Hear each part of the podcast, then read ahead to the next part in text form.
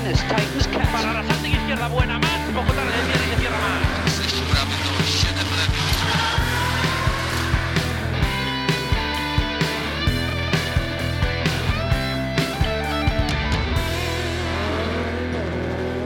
Oficjalnie rozpoczęliśmy 50. sezon e, rajdowych samochodowych Mistrzostw Świata. W ubiegłą niedzielę zakończył się 90. rajd Monte Carlo. No i jest to całkowicie nowa forma pod kątem samochodów. Jak w Twojej ocenie wypadł debiut nowych Rally 1? Wiesz co, ja się nie skupiałem aż tak bardzo na samym debiucie e, nowej kategorii. E, wszyscy chyba bardziej skupiali się nad tym, czy młodzież będzie w stanie rywalizować z dwoma doświadczonymi e, Sebastianami. Tutaj bardzo szybko okazało się jednak, że doświadczenie na tym rajdzie to jest e, najważniejszy czynnik. No to Samochody- faktycznie od samego początku było widać, że młodzieży czegoś brakuje. Już od pierwszego odcinka specjalnego było, było doskonale widoczne to, że chyba troszkę za mało objeżdżenia z takim no, zwykłym napędem pozbawionym e, już nie tylko aktywnego dyferencjału środkowego, międzyosiowego, ale, ale w ogóle dyferencjału. Mm, Ja szczerze mówiąc też byłem zaskoczony tym faktem, że, że młodzież jednak no, nie dawała rady w porównaniu z dwoma francuskimi legendami. No właśnie, ale się w samochodach. No, o samochodach już dużo rozmawialiśmy, bo od kilku miesięcy informujemy Was na bieżąco o rozwoju e, tej nowej kategorii. No Rajd ale wreszcie Carlo. widzieliśmy je, więc Tak, Raid Monte Carlo no, na pewno jeszcze nie dał ostatecznej odpowiedzi, e, co te samochody mogą, ale to był trudny egzamin, na pewno bardzo trudny egzamin e, dla nowych rajdówek e, i tutaj teraz wypadałoby podsumować właśnie wyniki tego rajdu, ale właśnie nie wiem, czy bardziej pod kątem możliwości samochodów, czy tych samych, czy samych kierowców i zawodników, no bo przecież e, no niespodzianek trochę jednak było, e, pomimo tak jak e, wspomniałem wcześniej, dwóch panów na S, no, no nie pozwoliło się wtrącić nikomu do ich wewnętrznej rywalizacji. o ile forma Ogier była na pewno do przewidzenia, no w końcu to jest gość, który zna te drogi i, i swoją klasę potwierdził w zeszłym sezonie, zdobywając tytuł mistrza, mm, no to na pewno dużym zaskoczeniem była jazda Sebastiana Leba, który no y, ile nie siedział w samochodzie 16 miesięcy? No Jakoś tak, to jest y, kawałek czasu k- dla kierowcy, no, który jest już legendą i niczego nie musi udowadniać. No ale tak jak powiedziałem, Monte Carlo to jest rajd, który e, ma swoją charakterystykę niezmienną od lat. I nieważne, czy ten rajd będzie dłuższy, czy krótszy, zawsze będzie rajdem trudnym, będzie trudnym egzaminem. Ja się bardzo cieszę, że właśnie ten e, nowy, rewolucyjny sezon zadebiutował właśnie na, rajdzie Monte Carlo, e, w tym takim legendarnym miejscu. I tutaj właśnie mieliśmy bardzo szybko odpowiedź na to, gdzie jest jeszcze miejsce kierowców, którzy kandydują e, lub aspirują do tytułów, do swoich pierwszych zwycięstw i tytułu Mistrza Świata. Okej, to w takim razie w ramach dziennikarskiego obowiązku zaczniemy trochę od tyłu, ale e, trzeba powiedzieć o wynikach. Pierwszy oczywiście Sebastian Lep e, z Isabel Galmisz, drugi 10 sekund i 50 za nimi Sebastian Ogier z Benjaminem Velia. Trzeci, i tu już jest potężna strata, bo ponad minuta 39 sekund, mm, Craig Breen z Polem Nagel mm, w drugiej pumie. E, No i dopiero czwarty Harry Rovanpera przed Gasem Grismithem i Thierrym Neville. Harry Mm, Rovanpera, tak- to, to, to w końcu jednak Harry wystartował, nie Kale. E, Przepraszam, Kale. no ciągnie Nie, wilka do lasu. Oczywiście, tak, myślimy Harry, myślimy, myślimy Kale, mówimy Kale Harry. mówimy Harry, tak. E, tak, ale tutaj e, myślę, że to jest bardzo dobre miejsce jak e, na początek sezonu, no bo no, weźmy pod uwagę jednak bardzo ważny e, aspekt, że ani Sebastian Lep, ani Sebastian Ogier przecież nie planują pełnego sezonu startów. Oczywiście nie wiemy, jak to się skończy. O, właśnie. E, bo tam pewnie jakieś już plany się pojawiają i nowe dyskusje na ten temat, ale ja jednak bym był sceptyczny do tego, żeby oni obaj wystartowali we wszystkich eliminacjach. Więc bardziej właśnie wypadałoby się skupić na zawodnikach, którzy zajęli miejsca od trzeciego powiedzmy do szóstego. No tak, ja wspominając o Kale Rovanperze, mimo wszystko jestem troszkę rozczarowany, bo pomimo szybkiej jazdy, pomimo utrzymywania naprawdę dobrego tempa, przypomnijmy, on wygrał trzy odcinki specjalne i to za, powiedzmy, za wołgami francuskimi było najlepszym wynikiem, jeśli chodzi o ilość y, odcinków specjalnych, więc y, widać było, że jest szybki, natomiast hmm, myślałem, że przyjedzie przed Craigiem Brinem. Ja, y, broń Boże, nie, nie próbuję tutaj umniejszać y, talentu i, i, szybkości Brinowi, natomiast y, wydaje mi się, że jednak w nowym samochodzie, dysponującym nową technologią i, i, i będącym takim troszkę bardziej, e, przepraszam, że tego użyję, ale takim samochodowym PlayStation, że prędzej odnajdzie się Kalle Rovanpera niż y, Craig Brin. A ja myślę, że w nowych realiach bardziej odnalazła się sama Puma chyba niż, y, niż Yaris. E, to znaczy, oba te samochody w tej chwili reprezentują bardzo podobny poziom. E, mhm. Zarówno i Forda, i Toyota dotykały problemy techniczne na tym rajdzie. E, nie wspomnę. No, wszystkich tutaj... dotykały, bo nie, bo nie oszukujmy tak. się, y, Hyundai też miał olbrzymie problemy techniczne. No Hyundai akurat, y, no to myślę, że borykał się z gigantycznymi wręcz problemami, nie dotyczącymi tylko i wyłącznie układu hybrydowego. Hyundai wszystkie... boryka się z problemami od trzech miesięcy, więc... Tak, dlatego tam wyszły na tym rajdzie wszystkie te niedociągnięcia, o których rozmawialiśmy przecież też tak. przed sezonem i zauważ, że te nasze wszystkie przypuszczenia no, niestety dla Hyundai'a się zrealizowały e, dość niekorzystnie. Dopiero właśnie szóste miejsce e, Tirego Neville'a. E, no, i ja wcale nie jestem zaskoczony tak kiepską formą Hyundai'a tak naprawdę. E, I owszem, testowy pokazywał co innego, ale to był odcinek testowy. Potem zaczęło to się wszystko jednak w tym e, rytmie rajdowym e, psuć, komplikować i Hyundai no już mógł tylko liczyć na wygranie jednego odcinka specjalnego. E, koszmarne problemy Oliwiera Solberga, który miał problemy z autem chyba na każdym odcinku specjalnym. Musiał się wycofać e, z tego powodu tego dymu dostającego się ciągle e, do samochodu.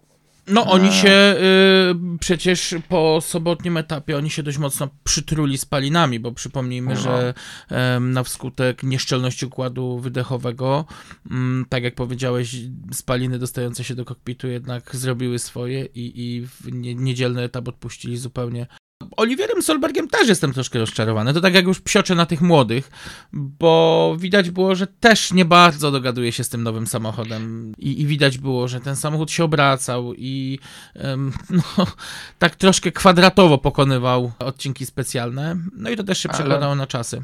Ale nie zrzucajmy tego na, na kierowców. Ja bym jednak e, tutaj winy upatrywał w samym samochodzie, niedopracowanym samochodzie, bo to wszystko właśnie wychodziło, tak jak, jak już rozmawialiśmy.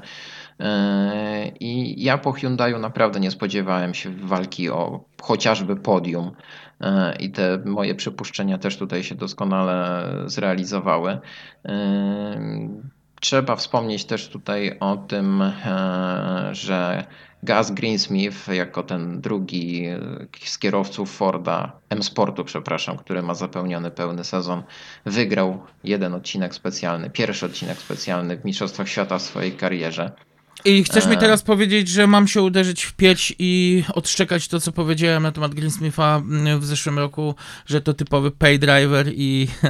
Ale to chyba obaj musielibyśmy to odszczekać, wiesz, bo ja też nie no właśnie, ale... na tego zawodnika. Znaczy, to jest światełko w tunelu, to jest no właśnie. dobry symptom dla niego i, i, i jest pewnie szansa na to, żeby ten gość e, wreszcie coś pojechał, no bo w przypadku e, Adrien Fourmont no, mieliśmy do czynienia z przykuciem bardzo dużej uwagi do swojej osoby, no ale nie wynikiem, a tym spektakularnym wypadkiem na trzecim odcinku specjalnym, który no e, chyba w tej chwili w rankingu e, najbardziej malowniczych wypadków zajmuje drugie miejsce po dzwonie Tanaka e, tak. z Monte Carlo sprzed paru lat. Także tutaj no Ford myślę, że i tak ma się z czego cieszyć. W pierwszej piątce trzy auta. Myślę, że Malcolm Wilson nie mógł sobie wyobrazić e, lepszego początku sezonu.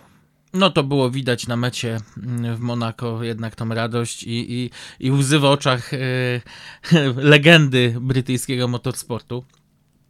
To na pewno jest duże zaskoczenie, y, tym bardziej, że pomimo olbrzymiego wsparcia e, Ford Motor Corporation jest to w dalszym ciągu zespół powiedzmy taki półfabryczny, no bo jest firmowany przez M-Sport, więc mm, na pewno nie mają takiego zaplecza jak y, choćby nawet Toyota pod kątem finansowania. To, co zrobił M-Sport, to, co zrobił Malcolm Wilson, e, John Milner, szefostwo, ludzie, którzy odpowiadali za przygotowanie e, Pumy Rally 1, to jest coś nieprawdopodobnego. W dobie ciężkiego okresu pandemii, e, braku takiej stabilizacji, no bo przecież też o tym rozmawialiśmy, że Tak. e, rajdy dla Malcolma Wilsona to nie jest e, kura złosząca, znosząca złote jaja w tej chwili. E, Raczej do tego interesu się dokłada. Przygotowanie w tak krótkim czasie samochodu, tak konkurencyjnego, no i odniesienie zwycięstwa w pierwszym rajdzie, no oby tak dalej. No. Mam nadzieję, że Craig Breen utrzyma tempo na cały sezon, a e, Adrian Furmo i Gaz Greensmith e, będą dzielnie sekundować. No o ile rzeczywiście Lep nie postanowi poszerzyć swojego programu startów. No ja jestem strasznie ciekaw, czy Malcolm Wilson będzie napierał na e, Sebastiana, żeby wrócił do permanentnego ścigania się w pełnym cyklu. Zobaczymy. Myślę, że to wiadome niemożliwe. Jest, wiesz co, ale wiadome z drugiej strony jest to, że sam mm, Sebastian był bardzo zadowolony z tego startu, nie tylko pod kątem e, wyniku końcowego, ale i samej przyjemności z jazdy. On na każdym kroku podkreślał, e, jak dobrym samochodem jest Puma i ile radości z jazdy tym autem ma, więc to też o czym świadczy i może, kto wie, on jest na pewno osobą, która jest głodna jazdy i rywalizacji.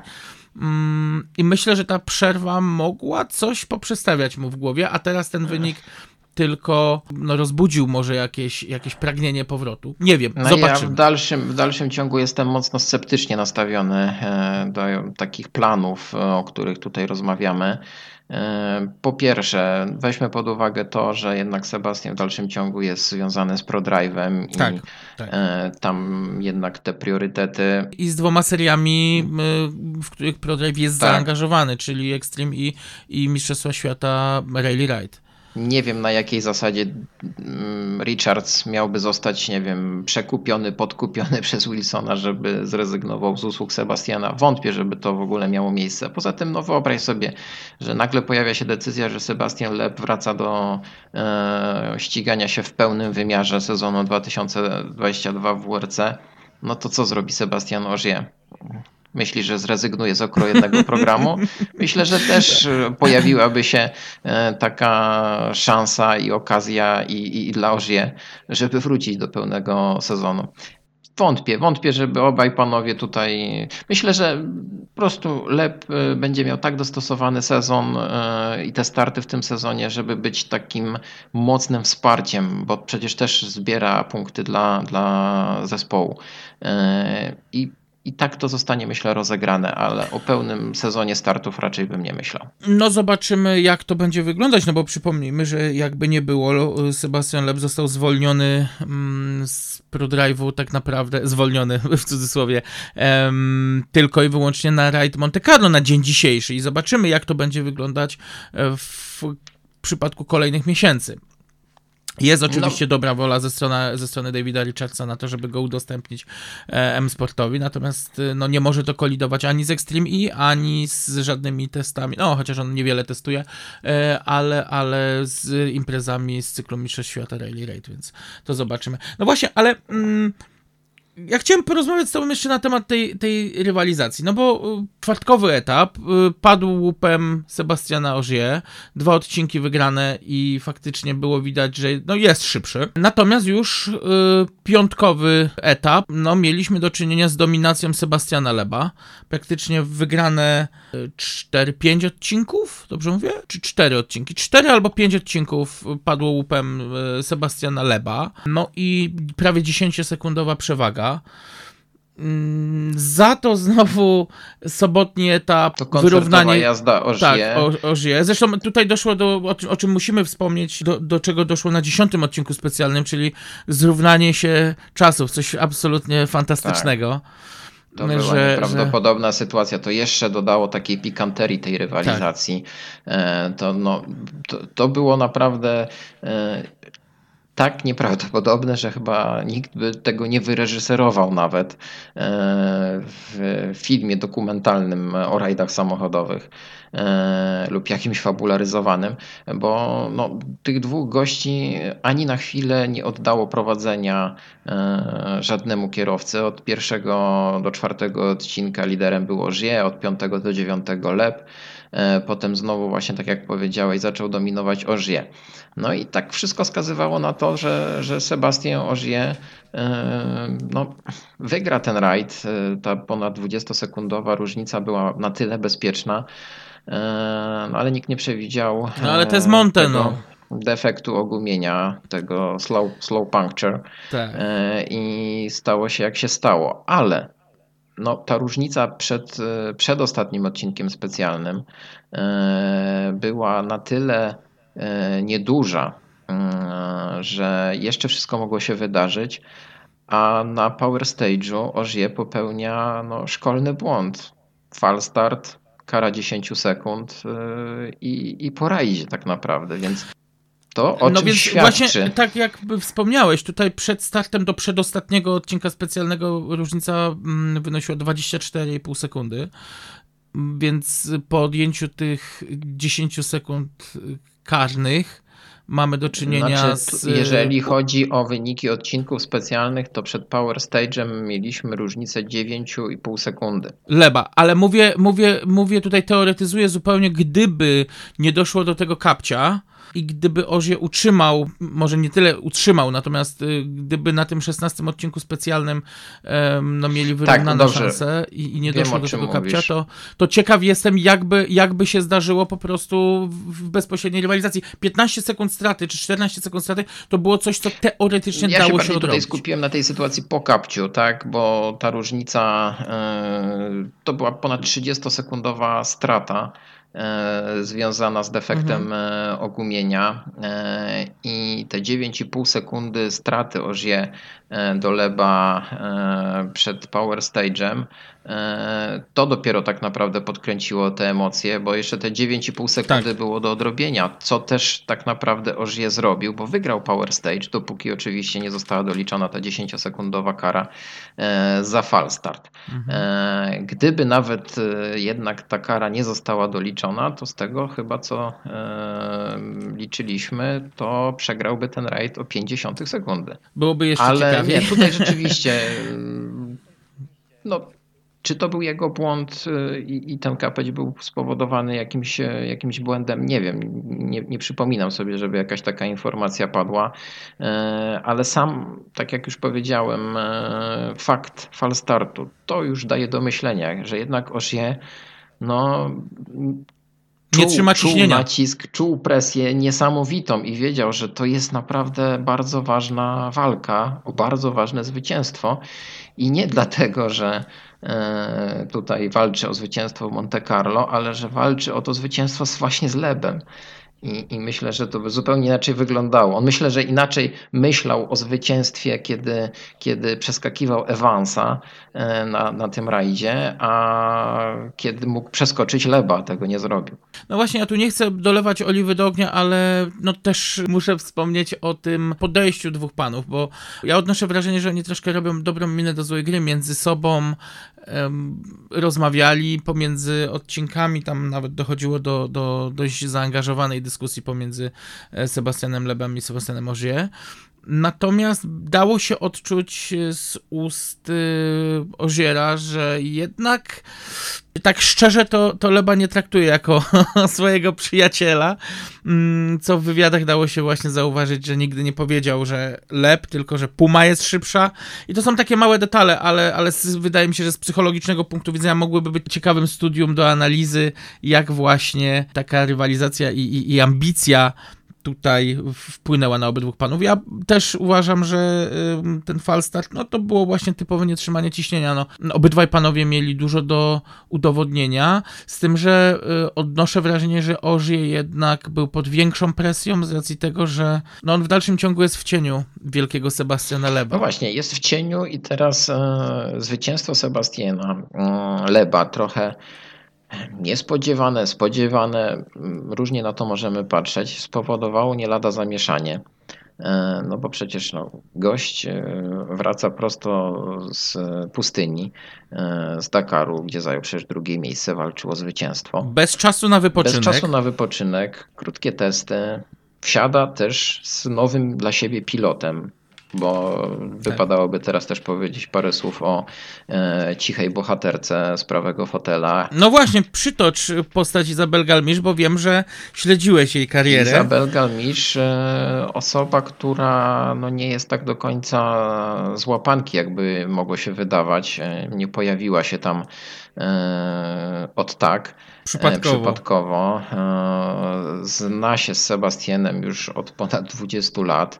E, była taką osobą, która e, no, gdzieś tam się ciągle kręciła wokół e, samego Sebastiana czy, czy, czy zespołu, w którym startował.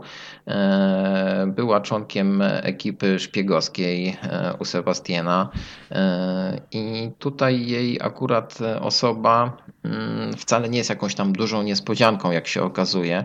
E, ale należy jej się olbrzymi szacunek. Szacunek za to, że udźwignęła presję, że udźwignęła przecież ten stres, który na pewno w jakiś sposób jej towarzyszył.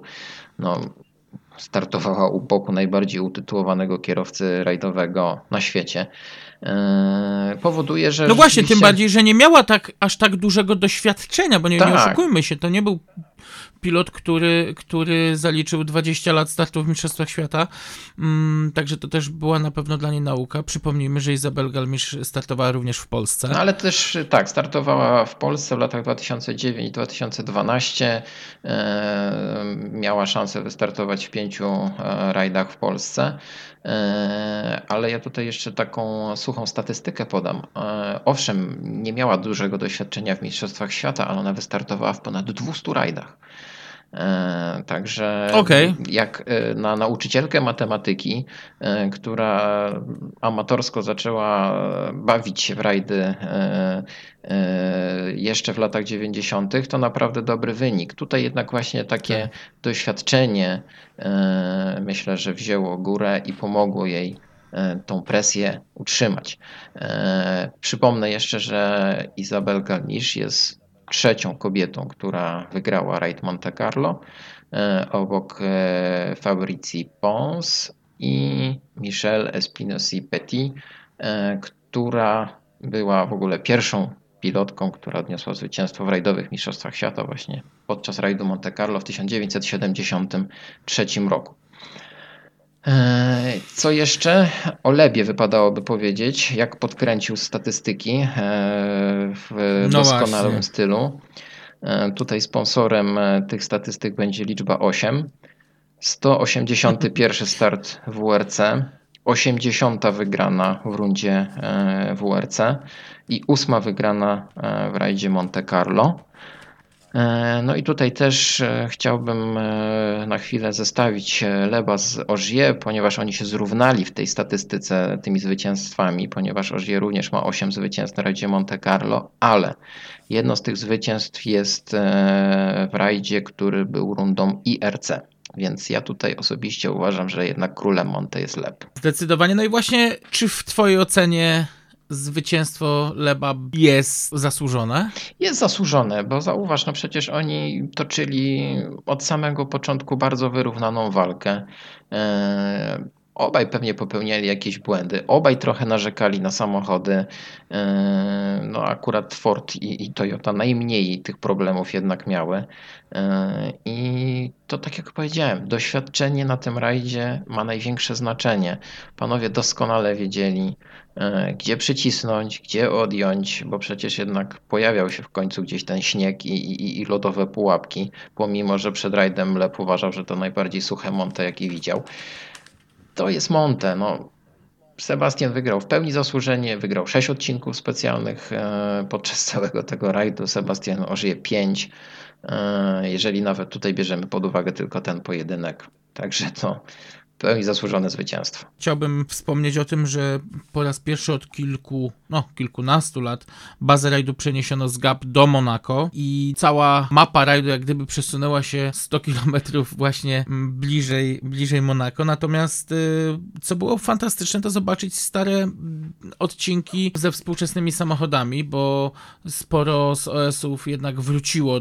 Wydaje mi się, że to był słuszny kierunek. No a sam rajd tak jak powiedziałeś, bardzo suchy, ale jednocześnie potrafił zaskakiwać. No, legendarne Sisteron, gdzie mogliśmy zobaczyć tą ruletkę oponiarską, taką typową dla Monte, zakładanie opon na krzyż i e, takie, taka zabawa w podchody, gdzie Lep mówi, że założy opony zimowe, podczas gdy zakłada pełne kolce. Ożie mówi, że oni pojadą na supersoftach e, i widząc, co robi Leb, robi dokładnie to samo, więc ta esencja Monte w dalszym ciągu jest i pomimo no, tego, że, że to już nie są te warunki, które mieliśmy do czynienia e, kilkanaście lat temu, to jednak w dalszym ciągu potrafi zaskoczyć. No te smaczki Monte pozostały na szczęście, pomimo, że tak jak już wcześniej wspominałem, ten rajd e, no, jeszcze się stał krótszy, e, ale zaobserwowałem też e, taką ciekawą rzecz. Ty powiedziałeś o odcinkach specjalnych. Tych odcinków specjalnych w porównaniu do poprzedniej edycji nie było zbyt dużo wspólnych, ale wspólnym odcinkiem praktycznie dokładnie w takim samym, takiej samej długości był Power Stage, jeżeli chodzi o zeszły rok, jak i ten. E, I muszę Ci powiedzieć, że przeanalizowałem czasy mhm. obu przejazdów i na obu przejazdach auta Rally 1 były szybsze od samochodów WRC. No właśnie, to jest też coś, o czym chciałbym z Tobą porozmawiać, no bo e, baliśmy się, że jednak te samochody będą wolniejsze i nawet dowcipkowaliśmy, że auta Rally 2 mogą tutaj namieszać, e, a jednak te nasze obawy mm, kompletnie się nie potwierdziły. Te samochody są szybkie. One w dość charakterystyczny sposób są szybkie. To zresztą widać po e, jakichś nawrotach, po takich e, dohamowaniach do zatrzymania. Te 500 koni to jest naprawdę olbrzymia moc i, i, i to jest widoczne. No tak. Mm, natomiast to tak jak e, Sebastian Leb ładnie określił, że z samochodami Rally 1 jest jak z pierwszym seksem, że są bardzo intensywne, ale, e, ale nie trwa to zbyt długo i mm, Pewnie miał na myśli ten boost i to tak, doładowanie. Tak, tak, tak, tak. I, no to tak, to też o tym rozmawialiśmy mniej więcej na jakich zasadach e, to będzie się odbywać w tym sezonie, e, ale no pokazało to właśnie, że te auta no dzięki temu doładowaniu są szybsze. E, I ja bym nawet się odważył tutaj powiedzieć takiego, że coś, czegoś, coś takiego, że cała ta hybrydyzacja, która teoretycznie miała iść w kierunku ekologii, to jest jedna wielka ściema ponieważ e, te samochody w trakcie całego rajdu tylko i wyłącznie na napędzie elektrycznym pokonały niewiele ponad 3,5 km. I to tylko w parkach serwisowych i strefach zmiany opon. No. E, tak naprawdę wszędzie w pozostałych innych miejscach normalnie dysponowali zawodnicy z silnika spalinowego i, i, i to nie było nic nadzwyczajnego. Tutaj chyba właśnie chodziło trochę bardziej o to, o takiego kopa dodatkowego, żeby te samochody e, były szybsze właśnie na odcinkach specjalnych. I tak jak też wcześniej powiedzieliśmy, zauważ, to jest takie połączenie wyrafinowanej techniki hybrydowej e, z takim e, prostym technologicznie rozwiązaniem układu napędowego z samochodów Rally 2, tak? Bez centralnego dyfra i, i, i, i z pasywnym dyferencjałem. No, Także... to masz rację I, I, oglądając te samochody, no nie sposób nie dostrzec tego takiego uwstecznienia się i w kwestii prowadzenia się tych aut. Już pomijam fakt, że te auta pozbawiono tych łopatek przy kierownicy, że wszystko jest takie mechaniczne i, i pomimo skomplikowanego elektronicznego układu hybrydowego, jednak mm, to auto no, cofnęło się do, do powiedzmy tych lat dwutysięcznych pod kątem um, nawet sterowania tą skrzynią biegów. Natomiast y, ja odnoszę też wrażenie, że y, no, nie chcę użyć słowa, że to takie troszkę dublowanie historii z grupą B, natomiast te samochody tak trochę zaczynają jeździć. Na zasadzie e, mają pozbawione możliwości tego przyspieszania w zakręcie, tak jak to miało w przypadku e, tych ostatnich aut klasy WRC, gdzie, gdzie faktycznie prędkości osiągane w zakręcie były absurdalnie wysokie. Mm, te auta teraz faktycznie odhamowują przed tym zakrętem, przetaczają się niemalże przez ten zakręt i dopiero na, na prostych jest y, no, pełna możliwość wykorzystania i boostu i, e, i tej mocy, więc y, no, wracamy tak trochę do, do tego układu przed 87 roku. To tak, taka moja luźna dygresja. No ja, bym aż tak, ja bym aż tak daleko nie szedł, e, ale rzeczywiście no, jest jakiś krok do tyłu, aby móc uczynić e, kilka kroków może do przodu. E, bo zauważ, że to Monte Carlo owszem było wymiernym testem możliwości i samochodów i kierowców, którzy musieli się e, borykać z tymi matematycznymi obliczeniami, kiedy będą mieli tę dodatkową moc do dyspozycji, a kiedy nie to się wszystko zacznie rozwijać. E, myślę, że w lepszą stronę i te samochody będą jeszcze bardziej sprawne. Być może te e, opinie przed sezonem, że będą szybsze od samochodów WRC, e, no, się zrealizują szybciej niż, niż się spodziewamy. E, ale mamy jeszcze Szwecję, mamy jeszcze rajdy szutrowe. No właśnie, to będzie też ciekawie tu zobaczyć. może. Mhm, to będzie wydarzyć. ciekawie zobaczyć tą technologię właśnie na szutrze, bo to też będzie coś nowego i, i bardzo interesującego do oglądnięcia. Wspomniałeś właśnie o tych y, sprawach związanych z kontrolą tego wyzwolenia boostu. Śmiać mi się chciało, słuchając kierowców, którzy narzekali trochę na to, że no, teraz mają o wiele więcej do roboty w ogóle w samochodzie. Y, Przypomnijmy, że Thierry Neville dostał reprymendę za brak użycia trybu elektronicznego na wyznaczonym fragmencie trasy. Pytanie, czy było to niedopatrzenie, bo po prostu zapomnieli przełączyć się na układ hybrydowy, czy znowu awaria tego układu gdzieś tam wymusiła przejechanie na silniku elektrycznym. E, bo no, ale daj... podobny problem miał Ogier, Właśnie o tym chciałem powiedzieć. Podczas, no tak. właśnie, podczas E, prezentacji, inauguracji, tak. startu, prezentacji, tak, e, też zjechał na silniku spalinowym. E, no, ci kierowcy jeszcze się z tym, myślę, zapoznają. To są te warunki rajdowe, tak jak powiedzieliśmy. Stres, czas, presja czasu, tak. To na pewno ma bardzo duże znaczenie. Na razie władze rajdu, sędziowie byli bardziej pobłażliwi i, i, i nie kończyło się to jakimiś karami. No dla czołówki akurat te problemy nie były aż tak bardzo dotkliwe tak jak na przykład dla Hyundai'a, który jechał swój rajd poza wszystkimi innymi. E, aż, aż przykro było na to trochę patrzeć, ale no to tak jak powiedziałem, to przewidzieliśmy i, i to nie jest żadna niespodzianka, że to tak wyglądać e, wyglądało w przypadku Hyundai. No okej, okay, ale, ale okay, podsumowując klasę Rail 1, bo ja, ja chcę jednak na tobie wymusić to, żebyś powiedział, czy ci się podobało, czy ci się nie podobało. Nie, nie po... znaczy, czy mi się podobało. Podobało mi się to, że w dalszym ciągu yy istotny jest czynnik ludzki.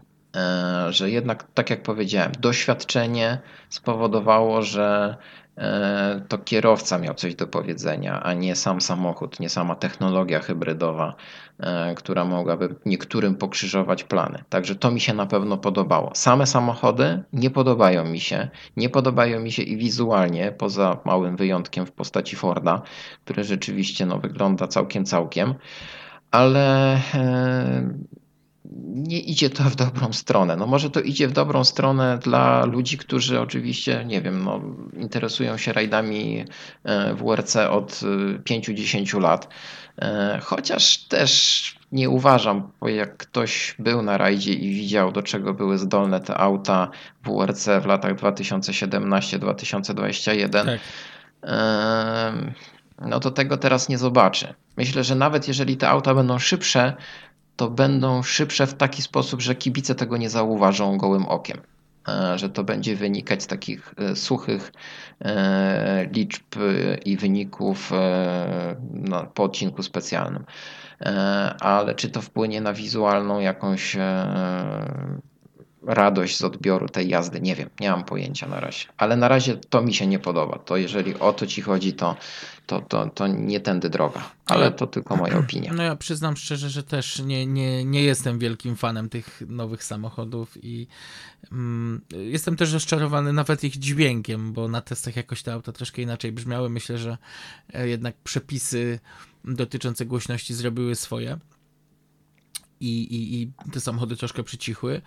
Um, Niewątpliwym zaskoczeniem dla mnie jest forma M Sportu, miłym zaskoczeniem, bo naprawdę fajnie jest zobaczyć znowu Forda brylującego w stawce i, dobry samochód, który jest w stanie wygrywać taki rajd jak Monte Carlo. Jest to naprawdę coś wielkiego. Um, natomiast y, w ogólnej ocenie to nie był zły rajd. Ja naprawdę muszę przyznać, że trzymał mnie w napięciu, szczególnie ta, ta walka. Nie, I tak wszystkich trzymał w napięciu, tak. Tak. Natomiast no, mimo wszystko jestem na nie dla tych nowych samochodów. No dobrze, okej, czyli jesteśmy na nie dla samochodów Rally 1, to może zajmijmy się samochodami Rally 2, e, bo w tej kategorii też się bardzo dużo działo. E, I oczywiście no, skupiamy się na Sebastianie Ogier, na, na Lebie, rozmawiamy o nich tutaj, e, ale ja wolałbym jednak tutaj jeszcze raz napomknąć. Najprawdopodobniej ci panowie nie będą głównymi aktorami tegorocznych Mistrzostw Świata. Ja w dalszym ciągu tak uważam i myślę, że się nie pomylę. Eee, I tutaj bym się skupił na kierowcach, którzy naprawdę będą mogli mieć coś do powiedzenia, czyli Calero Vampera, e, który zajął to czwarte miejsce, wygrał trzy odcinki specjalne, e, wygrał Power Stage i dzięki temu jest liderem E, nie licząc oczywiście Sebastiana Leba i to on będzie otwierał trasę podczas rajdu Szwecji. Craig Breen. E, Craig Breen. e, Świetny to występ, Jest kierowca. tak. Tak. zauważ, że on ostatni raz Monte Carlo jechał w 2018 roku. Dokładnie tak. Naprawdę, dlatego- chłopak y, trzymał tempo, szacun dla tego zawodnika, e, dla jego formy i dla jego e, takiego właśnie e, takiej mobilizacji. Tak? On czuje presję, ale sobie z tym myślę będzie dobrze radził w tym sezonie i to właśnie między nim e, Rovanperą, a Evansem najprawdopodobniej rozegra się walka o tytuł Mistrza Świata. Tak, no mnie troszkę muszę przyznać, że szkoda mi Elfyna, że no, nie dał rady kontynuować. No popełnił błąd, no popełnił błąd błędzie, tutaj, no tak. tak i, i znaczy no on skończył na 21 miejscu w No, ale- generalce.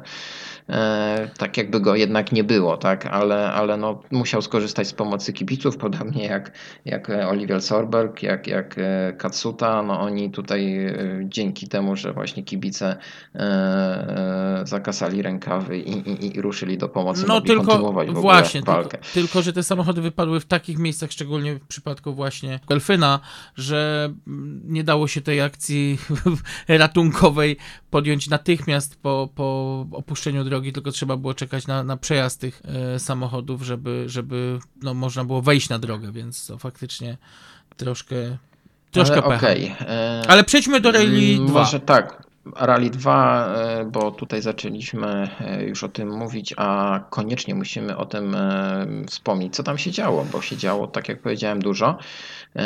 Mikkelsen wygrał, ale to jego zwycięstwo wcale nie było takie pewne.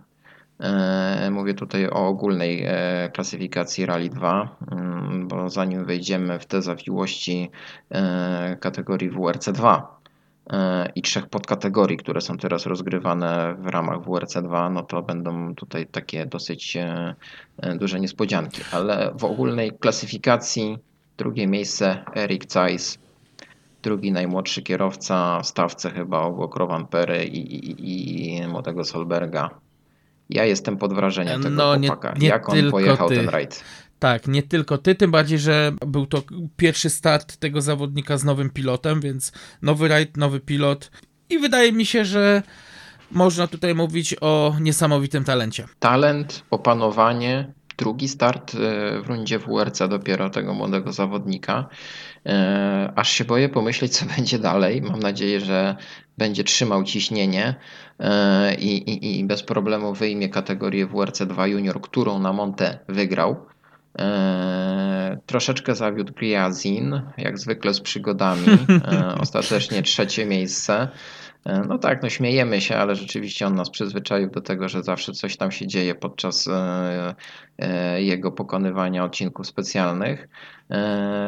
Ale właśnie, bo też wypadałoby wspomnieć o dosyć kuriozalnej sytuacji, która zepchnęła na bardzo odległą pozycję jednego z liderów e, kategorii Rally 2. No tak, bo ja tu jednak zaryzykuję stwierdzenie, że nie wiadomo jak wyglądałaby ta klasyfikacja, gdyby nie e, kara czasowa, którą otrzymał Stefan Lefebvre z Andy Malojem za, za wybryk, którego nie, nie oni się dopuścili, a dopuściła się ich załoga szpiegowska która pokonała trasę jednego z odcinków, ale zaparkowała swój samochód pomiędzy metą lotną i metą stop, po czym no, poszła oglądać rywalizację. I ktoś z władzy FIA dopatrzył się właśnie tego faktu, że no, jest to skrajnie niebezpieczne zachowanie, no bo w połowie przejazdu któreś z załóg mogą po prostu wsiąść do samochodu i odjechać. No tak, no przyznajmy, że to tak wyglądało, że no panowie pięć bodajże załóg szpiegowskich. Tak, bo tam były załogi z WRC2 i WRC3. się takiego wykroczenia. Tak. Tak, po prostu wjechali podczas trwania odcinku specjalnego na odcinek specjalny i poszli sobie oglądać e, rajd. No rzeczywiście, no, głupota, skrajna nieodpowiedzialność, nie wiem jak to nazwać. Owszem, no oni doskonale wiedzieli, że można to zrobić e, w dosyć bezpieczny sposób, e, tak żeby się nic nie stało, no ale jeżeli myśleli, że nikt się tego nie dopatrzy i nikt nie zwróci na to uwagę, no to naprawdę to już... Szczególnie, że dzisiaj samochody szpiegów są wyposażone w e, transpondery GPS i, i też są kontrolowane i monitorowane przez władze rajdu, więc to, to dla mnie też jest Dokładnie. troszkę zaskoczenie. No koniec końców skończyło się na 30-minutowej karze dla każdego każdej z pięciu załóg, która, e, której szpiedzy dopuścili się takiego wykroczenia. No i mm, najdotkliwszą z tych kar y, było do, dodatkowe 30 minut dla Stefana Lefebra, który prowadził WRC2 mm, do tego wybryku i no niestety, ale... No ale potem i tak nie ukończył tego rajdu w wyniku e, wypadku, e, ale no musieliśmy o tym powiedzieć, bo to doszło do takiej naprawdę kuriozalnej sytuacji i chyba wszyscy byli zaskoczeni. Nawet chyba surowością kary e, za to wykroczenie, która nie dotknęła oczywiście załóg szpiegowskich, tylko dotknęła załóg startujących w rajdzie. No a to już e, mogło spowodować dosyć duże e, spięcia i tarcia na linii tych załóg. No a Także... co do Mikkelsena, który w tym roku będzie bronił mistrzostwo w WRC 2, no, e, trzeba przyznać, że jechał bardzo rozsądnie, bardzo tak spokojnie i bez e, niepotrzebnego wdawania się w awantury. No i to zaprocentowało zwycięstwem. Też więc... miał trochę przygód. Tak, oczywiście, no ale kto ale, ich nie ale, miał, no. Tak, ale to jest właśnie Monte. E, Mikkelsen, powiedzmy sobie wprost, walczy o powrót do fabryki. E, I to chyba jest ostatni dzwonek dla niego, żeby pokazać swoją klasę i doświadczenie, bo myślę, że mógłby być jeszcze dla któregoś z zespołów fabrycznych bardzo dużym wsparciem e, i mógłby jeszcze troszeczkę namieszać. E, Zobaczymy, jak to będzie. E, na razie jest skazany na Rally 2, więc, więc myślę, że będzie faworytem. Tak, a mówiąc o WRC 2, ja jeszcze tu muszę wspomnieć o jednej postaci.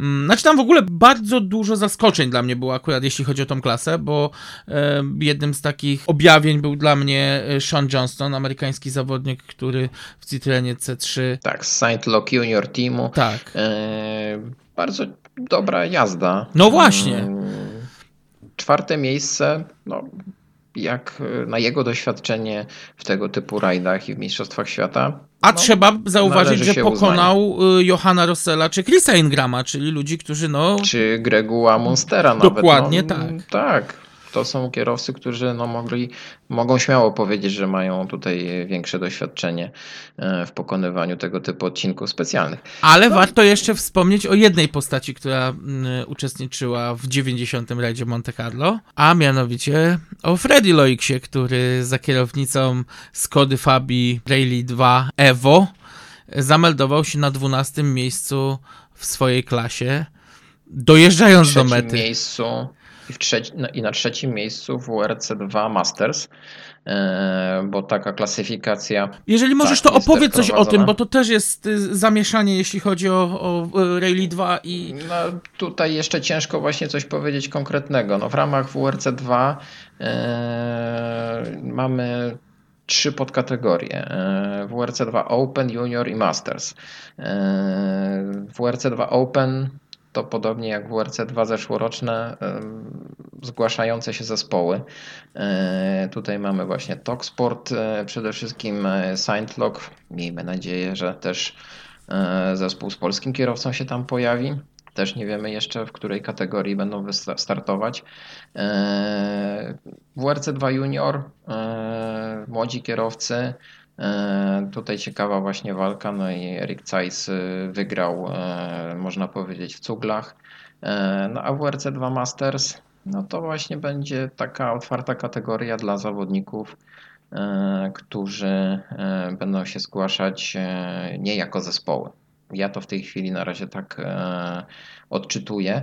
E, Trzeba będzie sprawdzać listy zgłoszeń i listy startowe następnych rajdów, żeby może bardziej to zrozumieć i, i, i- i wyprostować te zawiłości. No i y, to E. właśnie sprawia, że dzisiaj Rally 2 jest y, niewątpliwie najbardziej liczną klasą. Tak, tak. I tam będzie duża rywalizacja na bardzo wysokim poziomie też. I, i, jeszcze przecież na Monte nie wystartowali wszyscy kierowcy, Tak, którzy będą się tak, liczyć e, w tej kategorii. E, Ja jeszcze tak na szybko wspomnę też o klasie WRC 3, e, w której ścigają się Fiesty Rally 3, e, które dobrze znamy e, z polskiego oddziału M-Sportu. Tutaj był najszybszy, zgodnie z przewidywaniami Fin Sami Pajari.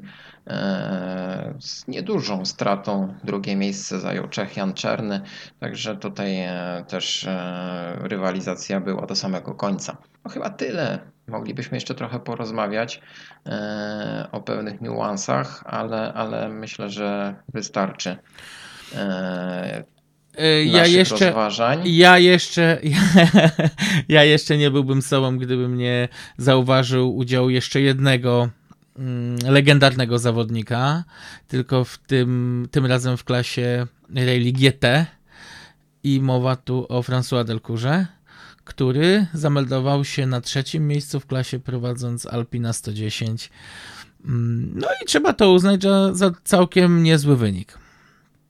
Jestem niezwykle e, szczęśliwy wręcz, tak powiem, e, oglądając e, fanpage e, François Delcoura. On przeżywa drugą Tak, młodość. on się bawi tą E, jazdą, ja- to prawda. Tak, to jest coś pięknego, jak on w dalszym ciągu e, reaguje na to, że może startować, e, jak e, obserwuje te wydarzenia na bieżąco. Przecież jego syn być może niedługo zadebiutuje w jakiejś e, wyższej klasie i, i, i- być może nawet już na samym szczycie e, rajdowych mistrzostw świata. Trzymamy kciuki, bardzo bym chciał, żeby kolejny syn wielkiego kierowcy e, dołączył do stawki tych młodych kierowców. No, ale trzeba E, też no, zauważyć, że.